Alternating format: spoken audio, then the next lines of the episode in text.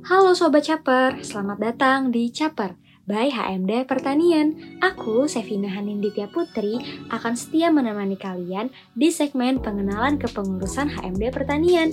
Yuk capcus dengerin sampai habis ya. Halo, balik lagi di Caper, podcast by HMD Pertanian. Jadi kali ini aku udah undang orang yang spesial banget yaitu Kanian dan Kawafa yang merupakan perwakilan dari bidang ekotif. Nah, untuk Kanian dan Kawafa, sebelum kita lanjut nih ke podcast ini, boleh nih dari Kanian dan Kawafa bisa perkenalan diri dulu. Silakan. Oke, bisa dari aku dulu ya. Makasih, Sevina. Oke, perkenalkan, aku Nian Tiara Novanza, biasa dipanggil Nian dari Teknologi Pangan 19. Salam kenal semuanya. Oke, selanjutnya aku ya. Uh, sebelumnya perkenalkan, aku Wafa Muhammad Rikja dari program studi Agribisnis Angkatan 19. Hai, salam kenal semua. Halo, salam kenal Kania dan Kak Wafa. Nah, um, Kania sama Kak Wafa apa kabarnya sih, Kak?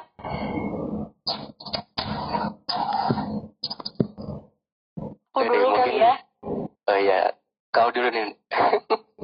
Oke, uh, kalau dari aku sendiri, alhamdulillah nih kabarnya baik banget. Dan kalau kamu sendiri gimana nih, Sevina? Aku alhamdulillah baik kak. Cuma emang kemarin sempat sakit tapi udah semangat lagi. Kalau kalau apa gimana kabarnya? Uh, kalau dari aku alhamdulillah ya masih diberi kesehatan ya, walaupun di tengah pandemi ini. Alhamdulillah. Nah, kan sekarang lagi uh, online gini ya, Kak. Terus kan kita nih lagi liburan semester. Berarti Tanian sama Kak Wafa tuh belakangan ini sibuknya lagi ngapain aja sih, Kak? Oke, untuk kesibukan di liburan kali ini ya, paling kayak baca-baca novel, terus kayak cobain bikin jajanan yang dari YouTube gitu kan, terus rapat kepanitiaan atau HMD, sama paling ini sih kan lagi udah semester semester terlima jadi lagi cari-cari referensi PKL. Oke, untuk aku sendiri sih ya kurang lebihnya sama sih sama Dian ya. Karena kita di semester yang sama, jadi ya utamanya referensi PKL itu penting kan nanti di liburan nanti kan. Terus uh, selain itu ya uh, aku di di rumah ya bantu-bantu orang tua terus terkadang ya rapat-rapat gitu dan dan ya ada sedikit, sedikit kesibukan lah di organisasi daerah. Oke, okay, berarti pas okay, lagi liburan kayak gini dan lagi online tetap produktif ya kak, ya kak.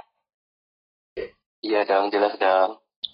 Oke, okay. nah uh, kan sekarang kita lagi ngobrol nih sama bidang ekotif. Aku mau tahu dong kak, sebenarnya tuh ekotif tuh apa sih kak? Nah, ekotif sendiri itu uh, salah satu bidang ya yang ada di HMT Pertanian atau biasanya itu disebutnya ekonomi kreatif.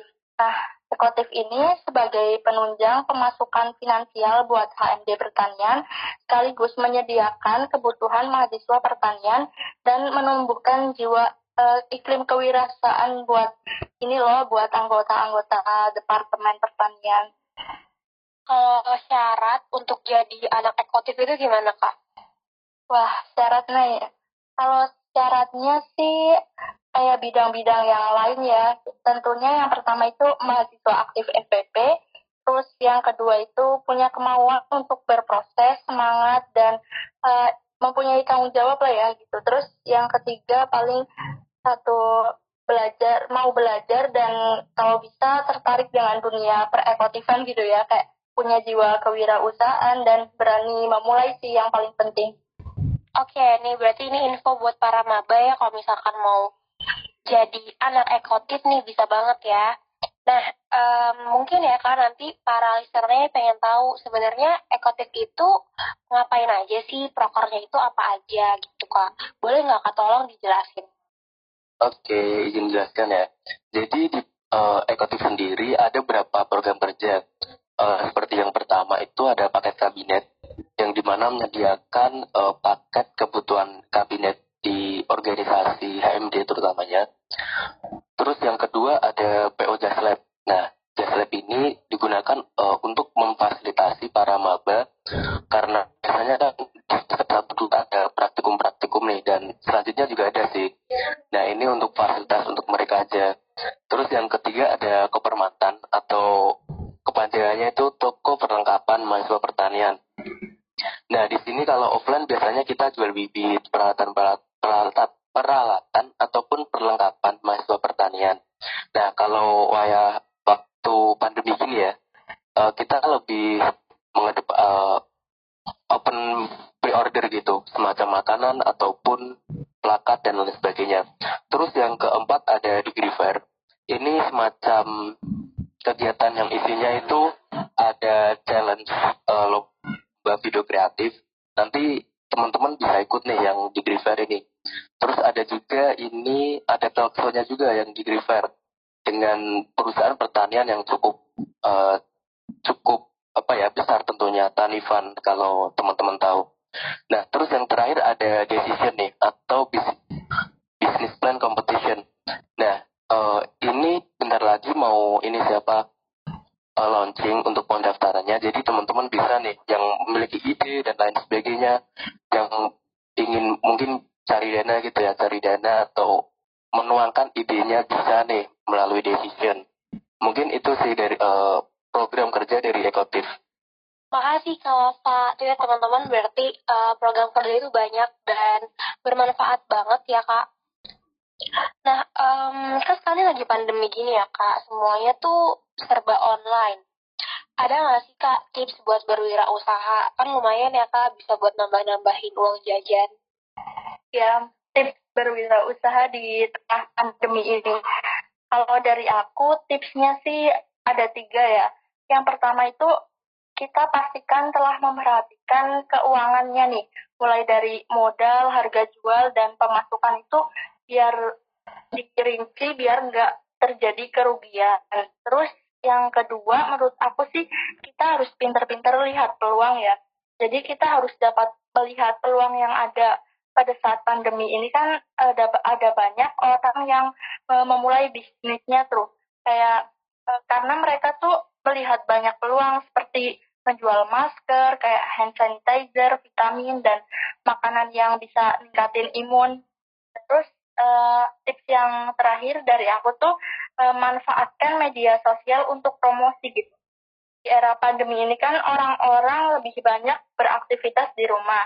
Jadi uh, ketika mereka bosan, kebanyakan mereka itu menghibur diri dengan kayak bermain media sosial. Jadi itu menjadi kesempatan besar untuk yang sedang berwirausaha untuk bisa mempromosikan usahanya itu lewat media sosial. Uh, mereka bisa buat konten-konten yang menarik. Nah, e, seperti yang kita tahu kayak platform yang lagi sering digunakan itu kayak TikTok, Instagram itu bisa dijadikan sebagai media promosi. Itu sih Sevina kalau tips dari aku. Oke, makasih kan Nian. Berarti intinya kita tuh harus gunain maksimal ya fasilitas yang ada. Tapi ini Kak, dengan fasilitas yang ada, kan nggak semua orang um, bisa mengimplementasikan niatnya dengan baik ya. Kalau dari kawasan ya aku mau tahu ada nggak sih kak tips untuk membangun atau memulai wirausaha di tengah pandemi kayak gini? Kalau mungkin aja tuh kayak pada mager, udah ada idenya tapi belum terlaksana gitu kak. Oke, okay, uh, eh, izin jawab ya. Jadi uh, untuk jadi intinya tips membangun uh, usaha di tengah pandemi ini. Nah, aku ada beberapa tips di soal ini yang pertama dan paling utama itu uh, pastinya kita tentukan dulu target dan segmentasi pasar yang akan kita tuju. Karena menurut pengalamanku ya uh, selama berwirausaha yang dulu-dulu itu uh, kalau kita cuma mengandalkan produknya doang, kalau kita tan uh, tidak punya target atau segmentasi yang jelas, itu nanti bakal susah dalam mencari pelanggan. Nah, maka dari itu yang pertama itu yang paling utama adalah menentukan target dan segmentasi pasar. Terus yang kedua setelah menentukan target dan segmentasi pasar nih. Nah, kita cari barang yang sesuai dengan kebutuhan mereka. Misal contohnya seperti pandemi gini kan masker, vitamin dan sebagainya. Itu kan pasti ya bisa keluarga, teman atau tentang pasti membutuhkan untuk meningkatkan imun ataupun menjaga kesehatan mereka. Nah itu sebuah peluang yang cukup bagus menurutku. Terus uh, karena ini ada pembatasan uh, pembatasan seperti ppkm ini ya, jadi membatasi kegiatan secara sosial. Nah mungkin bisa nih kita uh, promosi barang kita kan sudah dapat barang tuh. Nah kita promosiin uh, melalui uh, media sosial yang ada seperti Facebook, Instagram, TikTok, dan sebagainya. Dan itu lebih mudah lagi kalau kita sudah menentukan target dan segmentasinya yang awal tadi. Mungkin itu sih yang beberapa tips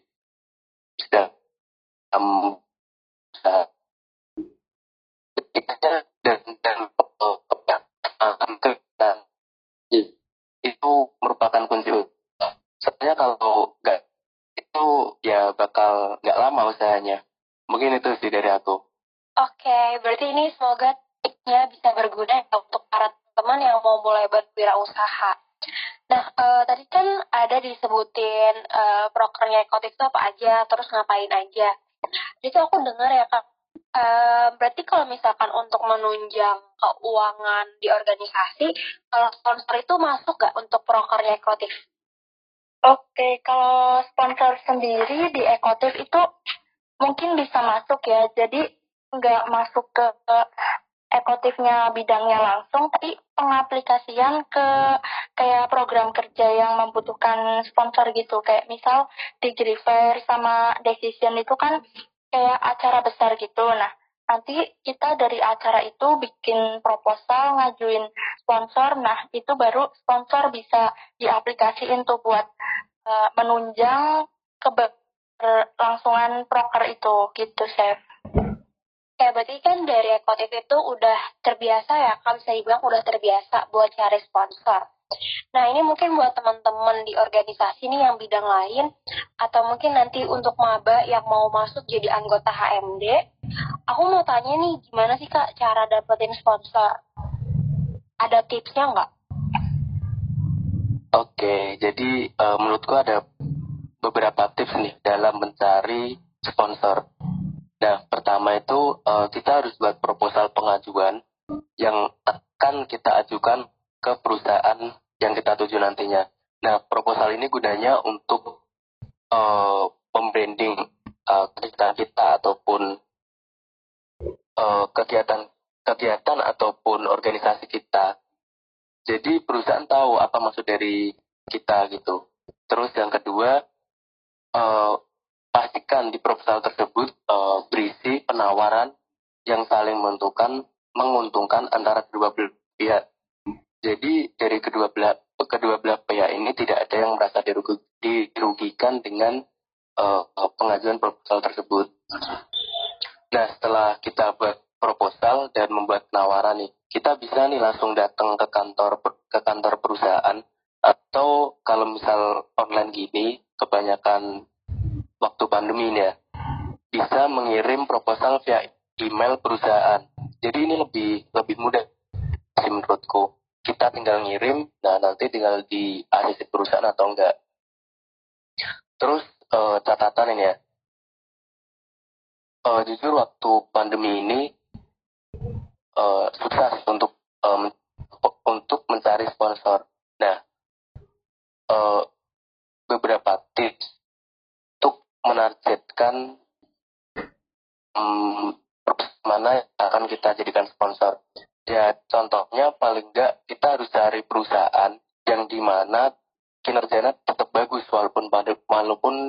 pandemi gini. Contohnya perusahaan farmasi, terus perusahaan telekomunikasi, telekomunikasi dan sebagainya. Mungkin itu sih uh, beberapa cara untuk dapetin sponsor. Oke, makasih Kak Wafa. Berarti itu ya teman-teman nih uh, tipsnya dari Kak Wafa buat dapetin sponsor di kala pandemi kayak gini. Nah, uh, ya kasih Kak kesalahan-kesalahan dalam mencari sponsor yang harus banget nih dihindari. Oke, hal-hal yang harus dihindari saat cari sponsor menurut aku yang pertama itu proposal ataupun PPT yang nanti akan di dipresentasikan itu eh, jangan mengandung hal-hal yang berbau sara terus bahasa yang digunakan itu jangan yang menyinggung praduga itu menurutku pengiriman proposalnya Jadi pengiriman proposal pada perusahaan yang mau kita minta sponsornya itu uh, kalau bisa jangan deket dengan deadline. Jadi kalau misal deket-deket tuh biasanya tuh mereka kayak ah, apaan sih ini udah deket kayak gitu ya. Terus yang ketiga buat di FPP sendiri kita sangat uh, menghindari sponsor yang dari rokok, terus agen judi sama agen politik. Jadi nanti misal kita mau cari sponsor itu sih yang harus dihindari perusahaan-perusahaan tadi. Oke, makasih Kamian atas infonya. Berarti itu ya teman-teman yang harus kita hindari dalam cari sponsor. Nah, uh, tadi kan tuh aku dengar ya, prokernya Ekotif tuh ada banyak banget dan itu tuh prokernya yang emang acara besar gitu. Nah, pernah nggak sih Kak selama menjalankan proker ada hal yang enakin gitu? Dan gimana cara kakak ngehandle-nya? Uh, kalau terkait hal yang nggak ngenakin ya, pasti itu ada sih. Cara hidup kan nggak mungkin enak-enak aja kan ya. Nah, terus biasanya masalah yang terjadi itu ketika ya, kata uh, pasti ada beberapa hal atau something sesuatu yang uh, ya miskom antara tim yang lain gitu loh jadi uh, intinya yang disampaikan itu uh, kurang sesuai dengan apa yang dimaksud gitu. Nah, untuk cara mengatasi miskom ini, uh, salah satunya dengan cara kita diskusi langsung dengan seluruh tim. Nah, di situ kita akan jelasin maksudnya jadi gini gini gini, terus uh, tujuannya gini gini gini. Nah, dari situ uh, masalah miskomunikasi ini uh, teratasi. Mungkin itu aja sih yang masalah yang biasanya paling mendasari. Oke, emang miskomunikasi itu bahaya banget ya, Kak. Nah, kan Kanian sama Kak Wafa berarti angkatan 19, udah mau masuk ke semester 5. Jadi ekotif tuh berat nggak sih, Kak? Apalagi kayak sambil kuliah gitu, Kak. Dibilang berat sih, kalau menurutku nggak berat-berat banget ya. Tapi mungkin sedikit ada rasa gimana gitu ya. Soalnya kan di sini kita uh, diberi tanggung jawab kasarannya kayak buat cari uang gitu. Nah, tapi di sisi lain si ekotes ini seru dan asik banget sih. Di sini kita bisa belajar untuk uh, berusaha, berwirausaha dan berbagi ke teman-teman tentang wirausaha. Jadi melalui event-event yang pastinya itu kita bisa berbagi ilmu tentang wirausaha ataupun investasi yang semoga bisa bermanfaat sih buat teman-teman yang lain kayak gitu. Uh, kalau menurutku ya terkait uh, berat nggak di uh, di di divisi ekotif di bidang ekotif, uh, menurutku berat gak berat sih. Uh, karena kenapa? Karena yang mengukur berat gak beratnya itu kan kita sendiri ya. Entah kita milihnya sesuatu itu berat atau sesuatu itu mudah, itu kan berasal dari diri, diri kita sendiri. Nah, terkadang aku memang uh, nganggep itu berat dan terka- uh, seringnya juga aku nganggep mudah karena apa? Karena teman-teman ekotif ini uh, aku menurutku ya, ini orang orang-orangnya seru gitu loh. Jadi untuk uh, bercanda juga masuk, uh, untuk bahas, bahas diskusi apa juga masuk. Ya intinya enak lah kalau diajak komunikasi gitu. Yang tadinya berat, jadi tertutup dengan uh, kesenangan tersebut dengan uh, teman-teman ekotif itu sih. Oke, okay. nah kalau boleh tahu nih kak, Kanian sama Kak Wafa itu berarti di HMD pertanian udah berapa periode? Kalau aku sendiri sih pasti udah dua periode ini. Kalau kalau aku sendiri anak baru ya, baru satu periode ini sih. Oke, berarti kan Kanian udah dua periode dan Kak Wafa satu periode. Nah, aku mau tanya nih Kak, kan kalau di organisasi itu kan banyak prokernya, terus berarti kan kita sibuk banget ya, tapi sementara ada juga nih akademik yang harus kita perhatiin. Kita juga tetap sibuk banget kuliahnya, banyak tugas, terus praktikum. Nah, capek nggak sih Kak kayak gitu?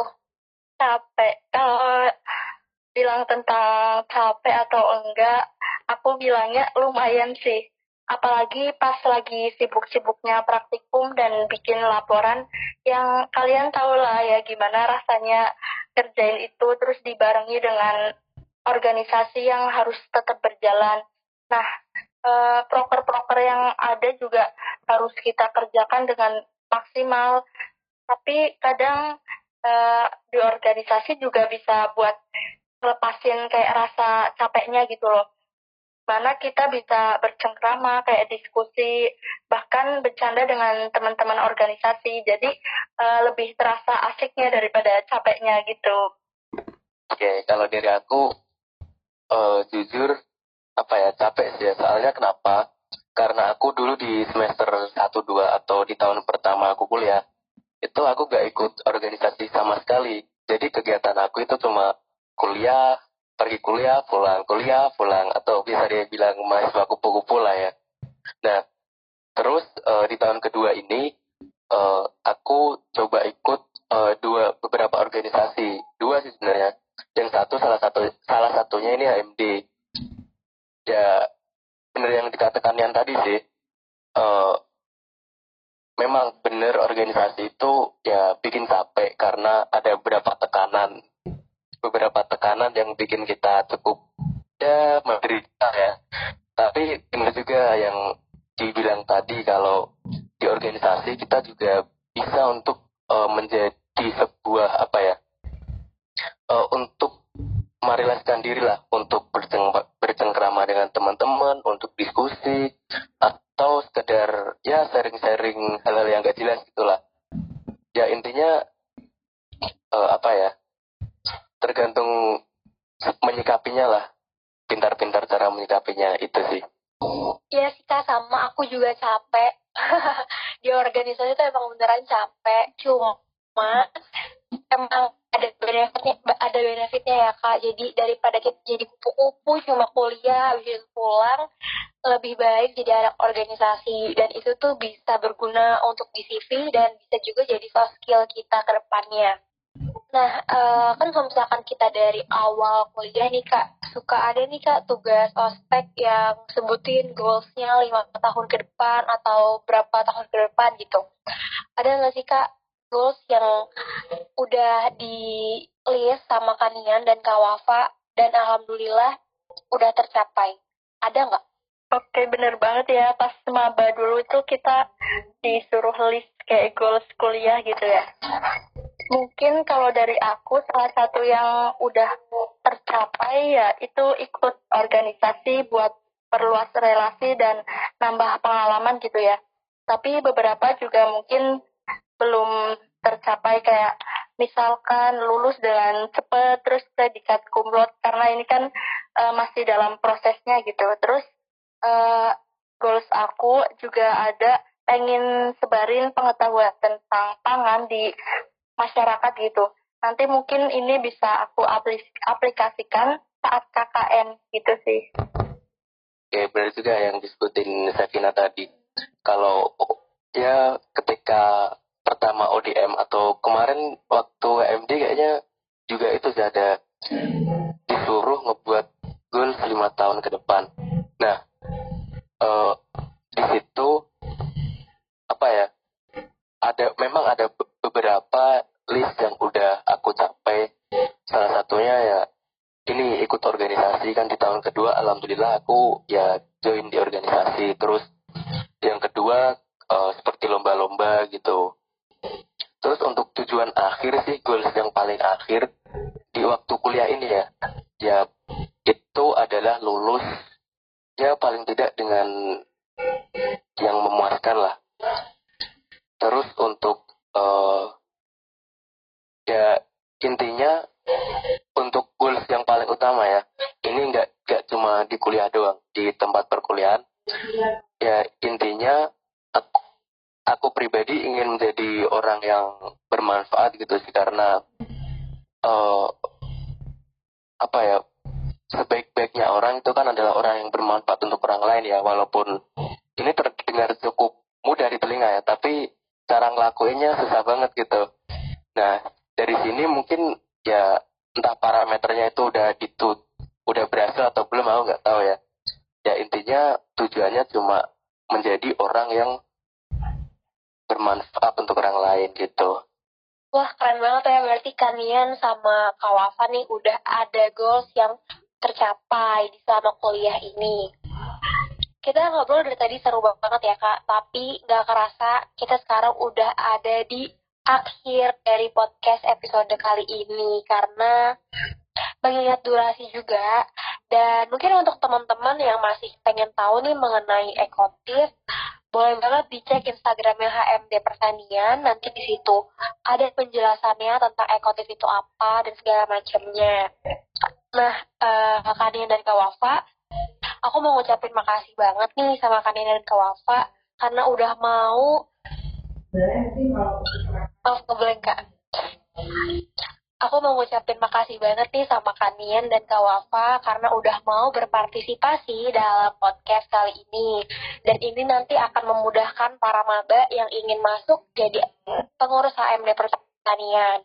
Mungkin dari Kanian dan Kak Wafa ada pesan untuk para pendengar podcast episode kali ini? Dari aku pesan buat teman-teman semua sih eh, terus berkarya, jangan takut buat memulai hal baik, tetap semangat dan uh, selalu jaga kesehatan buat teman-teman semua. Oke, kalau dari aku sendiri, ini sebenarnya cukup uh, di luar topik ini ya, cuma ada unsur ekonomi-ekonominya dalamnya.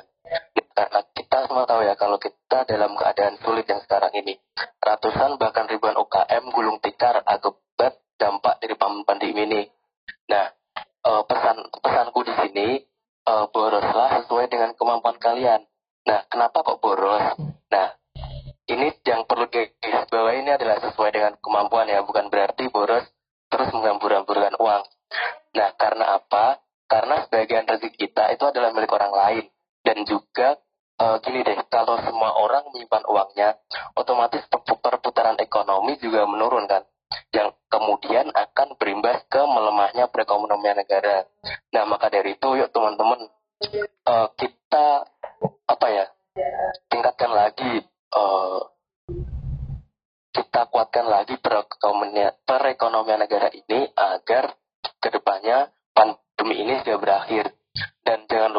Teman-teman untuk uh, tetap jaga kesehatan tetap jaga pola makan dan lain sebagainya tetap semangat mungkin itu aja sih dari aku Nah teman-teman itu ya pesan dari Kanian dan Kawafa. Semoga pesannya bisa berguna dan semoga episode kali ini bisa bermanfaat nih buat teman-teman semua yang ingin join menjadi anggota ekotif di HMD Pertanian atau mungkin untuk teman-teman yang mau berwirausaha.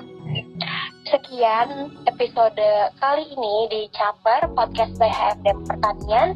Sampai jumpa lagi di episode selanjutnya. Untuk teman-teman semua, stay safe dan stay healthy. Bye-bye. Bye-bye. Bye-bye.